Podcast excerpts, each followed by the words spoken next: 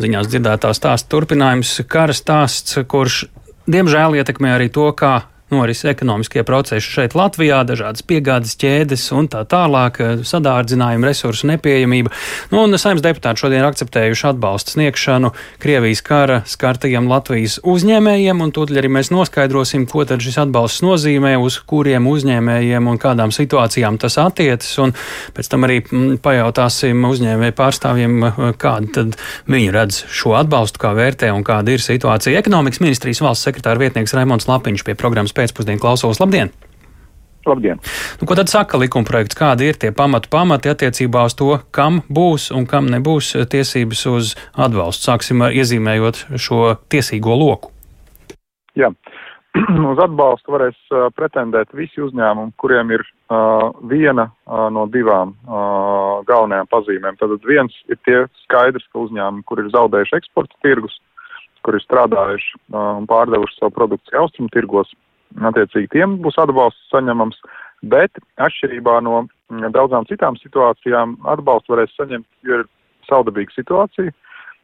Ne tā kā parasti, parasti krīžu gadījumos tikai eksporta tirgi iet, tā kā aiziet un, un, un vairs nav iespējami. Bet šeit ir arī pārautas piegāžu ķēdes, tas ir uzņēmums savus resursus, kurus pirka austrumu tirgos, arī tagad jāmeklē iespējas iegādāties citur. Uh, Nu, un attiecīgi arī šādiem uzņēmumiem, kuriem uh, ir apdraudētas vai pārtrauktas uh, piegādes no austrumu tirgiem, arī šādu uzņēmumu šo atbalstu varēs saņemt. Trešā pavisam nelielā grupa ir arī uzņēmumi, kuriem ir apdraudētas investīcijas. Uh, arī šādiem uzņēmumiem uh, šis finansējums būs pieejams. Labi, uh, kur ir tā robeža? Uh, tajā ziņā, kuri uzņēmumi kvalificējas un kuri nē, jo te var būt arī diezgan daudz tādu robežu situāciju. Nu, viena teiks, nu, mums visiem te ir inflācija, dārgāks benzīns, tas viss kardēļ vai vismaz daļēji. Kā jūs to novilktu, lai cilvēkiem nerastos pārpratumi, kam tad tieši šis atbalsts ir domāts? Jūs, protams, tagad ieskicējāt, bet es pieļauju, ka tās situācijas Jā. būs dažādas. Jā. Um, tajos, tajos gadījumos, kad uh, ir uh, tā kā šis, uh, un šajā gadījumā visi četri instrumenti ir finanšu instrumenti.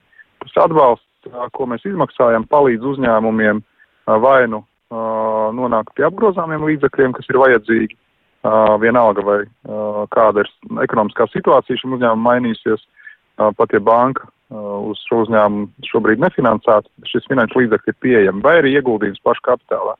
Attiecīgi, ieviešot šādus instrumentus, pirmais un galvenais kritērijs ir nevis tas, ko mēs par, domājam par uzņēmēju, bet vai uzņēmumam šāds vispār finansējums ir nepieciešams, uh, un šis ir pirmais.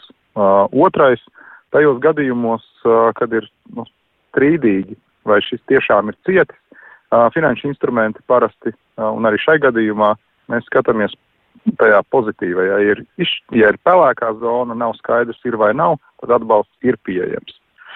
Un, ja tas būtu grants, tad, protams, savādāk. Tad parasti ir daudz stingrāk šī robeža novilkta. Bet tā kā uzņēmējs pats izvērtē, vai šis finansējums viņam ir nepieciešams, tad šie visi finanšu instrumenti ir pieejami tiem uzņēmumiem, kuri ir uzskati, kad, nu, kad var parādīt, kad šeit ir samazinājies tieši eksporta vai importa piegāžu dēļ. Nu jā, šeit eh, te runa, piemēram, arī ir par aizdevumiem. Nu, tas nav tā, ka visi grib uzreiz aizņemties.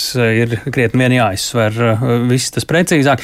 Nu, kas jau eh, tagad būtu jādara, gatavojoties tam, ka vienā brīdī šis atbalsts tiks sākts piešķirt vai gādāt par to, ar ko jārēķinās uzņēmumiem, kuri redz, ka viņi varētu tam kvalificēties. Nu, es, piemēram, lasu, ka būs jāievēro komercdarbības atbalsta kontrolas regulējuma prasības, piemēram, mm. un tā tālāk. Nu, nu, mēs atceramies, kā bija Covid sākumā, ka nu, uzņēmumiem kaut vai viena no prasībām bija teikt, iznākt no pelēkās zonas un tā tālāk. Jā. Šobrīd tieši tā iemesla dēļ, kad ir Covid uh, bijis iepriekš un ļoti lielākā daļa no uzņēmumiem uh, ir uh, jau gājusi cauri daudziem šādiem nosacījumiem. Uh, šī situācija jau ir pazīstamāka noteikti. Arī institūcijas ir daudz mācījušās, un arī tas nozīmē, ka daudz labāk var nokonsultēt. Šobrīd ieteikums katram šādam uzņēmumam būtu uh, uzreiz jau šobrīd izmantot iespēju uh, un iet uz altumu. Pirmkārt, runāt ar savu banku, protams, jo parasti uh, bankas arī var uh, daļu no problēmām jau sākt risināt, bet vislabākais būtu griezties altumā un uh, sākt runāt par iespējamiem atbalstiem, uh, jo uh, uzņēmumiem jau šobrīd uh, daļu no šiem te pakalpojumus, daļu no šīm problēmām var novērst ar esošiem instrumentiem. Daļu, protams, tas nāk klāt uh, vēl šie te Ukrainas atbalsti, bet mans ieteikums būtu runājot, jārunā ar Altumu uh, finanšu institūciju, un viņi noteikti spēs iedot padomu, uh, kas būtu jāsavad kārtībā uzņēmumi, ja nu vispār, kas būtu vēl specifiski jāved kārtībā. Uh, nu, ja paskatāmies uh, vēl no, no citiem leņķiem uz šo lietu, uh, tad uh, vai jūs varat šobrīd jau apmēram saprast, cik daudz varētu būt tādu uzņēmumu? Es pieļauju, ka esat konsultējušies ar nozari un pietiekami labi zināt situāciju, un līdz ar to uh, mēs vēl neesam šīs sarunas laikā nosaukuši tos miljonus, cik tad būs pieejami, un vai tie ir tādi elastīgi miljoni, vai tas ir tāds gala cipars? Jā, viņi pirmkārt ir elastīgi, bet arī tos elastīgos nosakot finansējumu apjomu, mēs apzinājām, cik liela ir nu, teorētiskā grupa. Uh, 1500 aptuveni uzņēmumu Latvijā ir vai nu ar eksportu vai ar importu saistīti ar austrumu tirgiem, ar Ukrainu, Baltkrieviju, Krieviju. Uh, un, bet no pieredzes un arī no tiem finanšu rādītājiem, ko mēs redzam, uh, ļoti tas nebūs tā, ka 1500 vajadzēs obligāti atbalstu. Lielākā daļa uzņēmumu uh, spēja un ļoti labi spēja pārorientēties paši uh, bez specifiskiem atbalstiem. Uh, no šiem mēs rēķinamies, ka mūsu klientu uh, lokus varētu būt daži simti, simts līdz 200 uzņēmumi.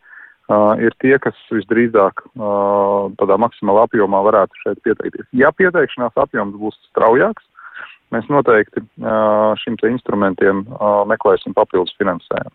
Pa nozaru, griezumu, nozaru griezumā skatoties, vai šobrīd ir jau pietiekami liela skaidrība par tendenci, ko jūs redzat, kur varētu būt tas lielākais ietekmējums no Krievijas kara? Jā, pirmkārt, tas, ko mēs noteikti redzēsim, ir tie uzņēmumi, kas ir pārtiks rūpniecības ķēdē, kur ir uh, piegādes bija plānotas, piemēram, minerālu mēsli vai, vai graudi no austrumtirgus. Tie būs tādi visiem jūtami un redzami. Viņiem būs jāmeklē metālu, metāla apstrāde, jo mēs metālu ievedām, turpinam ievest. Un šeit tikai pārstrādājam mašīnu būs nozarei un, un līdzīgajām. Nedaudz, nedaudz būs jūtams arī kokrūpniecības sektorā, jo daļa no īpaši tādas vienkāršākās koksnes ienāca, koksnes ienāca no Baltkrievijas.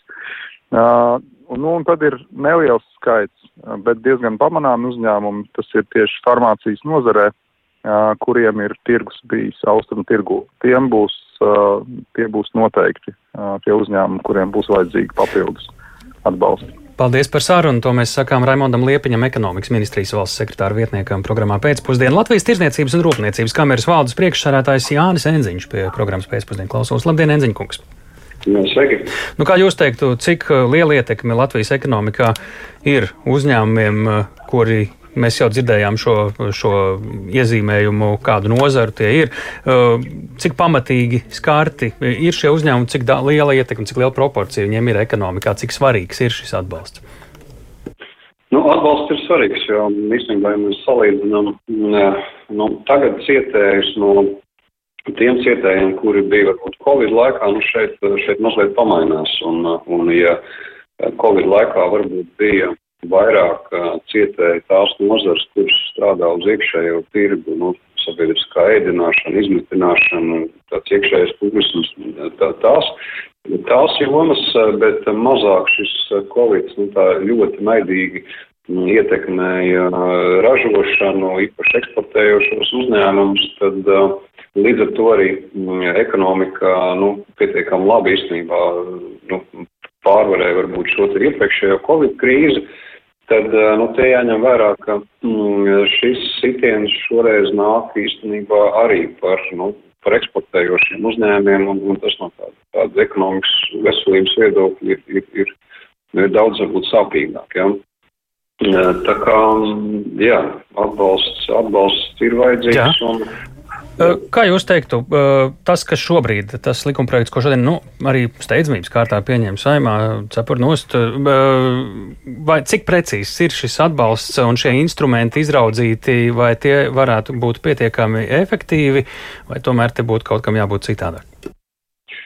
Mm, es teiktu, ka šis atbalsts ir um, pietiekami uh, gudrs arī, arī no valsts viedokļa. Proti, mēs, nu, kā Tirzniecības rūpniecības kamera, esam visu laiku arī atgādinājuši un teikuši arī Covid patiesībā laikā, ka nu, ja lielāks akcents būtu jādod uz šādu veidu atbalstiem, kas uh, nav granti, nu, tad iedota nauda ka vairāk ir jāfokusējās uz, uh, uz, uz šādu veidu rīkiem, un, un kā zināms, šajā programmā ir uh, nu, tad, tad aizdevumi apgrozāmiem līdzekļiem un garantijas un investīcijas, bet nav, nav tāda dāvināta nauda, kas, kas, nu, kas ir daudz kāds veselīgāks, es teiktu, aiz naudas nu, atbalsta veids, tas ir viens. Jā, otrs, otrs, nu, tagad ir jāņem vērā, ka jūs minējāt, jā, šodien, šodien parlaments tiešām labi, labi, labi ka viņi apstiprinājis, bet, nu, te vēl Te vēl valdības noteikumi, ja, kas detalizēs to visu jau, jau, jau sīkākās detaļās, un, un vēl ir, es saprotu, arī skaņojums ar Eiropas komisiju. Tad, tad te, ir, te ir ļoti svarīgi īstenībā, kurā brīdī nu, šis atbalsts nonāks nu, tādā praktiskā izmantošanā. Jo, jo piemēram, apgrozāmo līdzekļu kontekstā nu, ir, ir uzņēmumi, kuriem, kā zināms, faktiskā problēma ir radusies dēļ nu, milzīgā izēvielu sadārdzinājuma, ja tur nu, graudu cenas ņemot vērā, nu, to, ka Ukraina nevarēs piegādāt, tie ir uzskrējuši biržā kosmos, kosmos cenās. Ja. Tas nozīmē, ka īstā termiņā ir vajadzīgs ļoti liela nu, papildus līdzekļi, kur vienkārši nebija, nu, ar to nebija uzņēmumi rēķinājušies. Un, un, un, un, um, Labi. Nu, Vai ar šo naudu, kas tagad ir iezīmēta, mēs gan dzirdējām, ka tā ir pietiekami elastīga šie atbalsta līdzekļi un instrumenti, tā būtu precīzāk tos nosaukt, vai ar šādu kārtību varētu pietikt tam, lai uzņēmumi, nu, mēs dzirdējām šie paši graudi, metāli un tā tālāk šīs nozares, spētu, nu, kas ir viens no mērķiem, pārorientēties. Un, uh, lai arī kādi būtu apstākļi, pēc kāda laika strādāt uh, jau uh, bez šī austrumu virziena, kas, kā izskatās, diez vai tik ātri mums atgriezīsies. Uff, uh, nu, kas attiecas uz apgrozāmiem līdzekļiem, tad ir zināms, ka ir virkni uzņēmumi, kuriem arī individuālā griezumā ir um, nepieciešami apgrozāmie līdzekļi, iespējami ātri, nu, stipri lielās summās, pa desmitiem miljoniem. Tā kā es domāju, ka šajā sadaļā tā interese varētu būt lielāka nekā, ja, nekā tas pieejamais atbalsta finansējums. Tas ir, kā tur es redzu, ka var, varbūt arī papildus, um, papildus finansējums var, var, var būt nepieciešams. Es, savukārt, kas attiecas uz jūsu jautājumu, vai eh, pārorientēties uz citiem tirgiem, godīgi sakot, jau ir ļoti maz tādi uzņēmumi šobrīd, kuri, mm, kuri, kuri tikai, nu, tur Krievija, Krievija, Baltkrievija. Pārsvarā eksportētājiem tas, eh, ņemot vērā visas iepriekšējās krīzes, jau tas eksporta tirgus ir tik, nu, ļoti diversificēts, kas nozīmē, ka, nu, netik daudz varbūt um, atklāt daudzas jaunas tirgus, cik, cik pārlikt, nu, pārlikt tos apjomus uz, uz, uz, uz jauniem tirgiem, kas, protams, prasa papildus investīcijas, bet es domāju, tas ir izdarāms un uzņēmēji to izdarīs, protams. Nu, pietiekami labas ziņas šīs ir, cik vispār mūsu laikos ir iespējams šīs labas ziņas, jo situācija, diemžēl, visiem kopā arī nebūs neko spīdoša. Lielas paldies par jūsu sarunu. Jānis Enziņš, Latvijas Tirzniecības un Rūpniecības kameras valdes priekšsādātājs.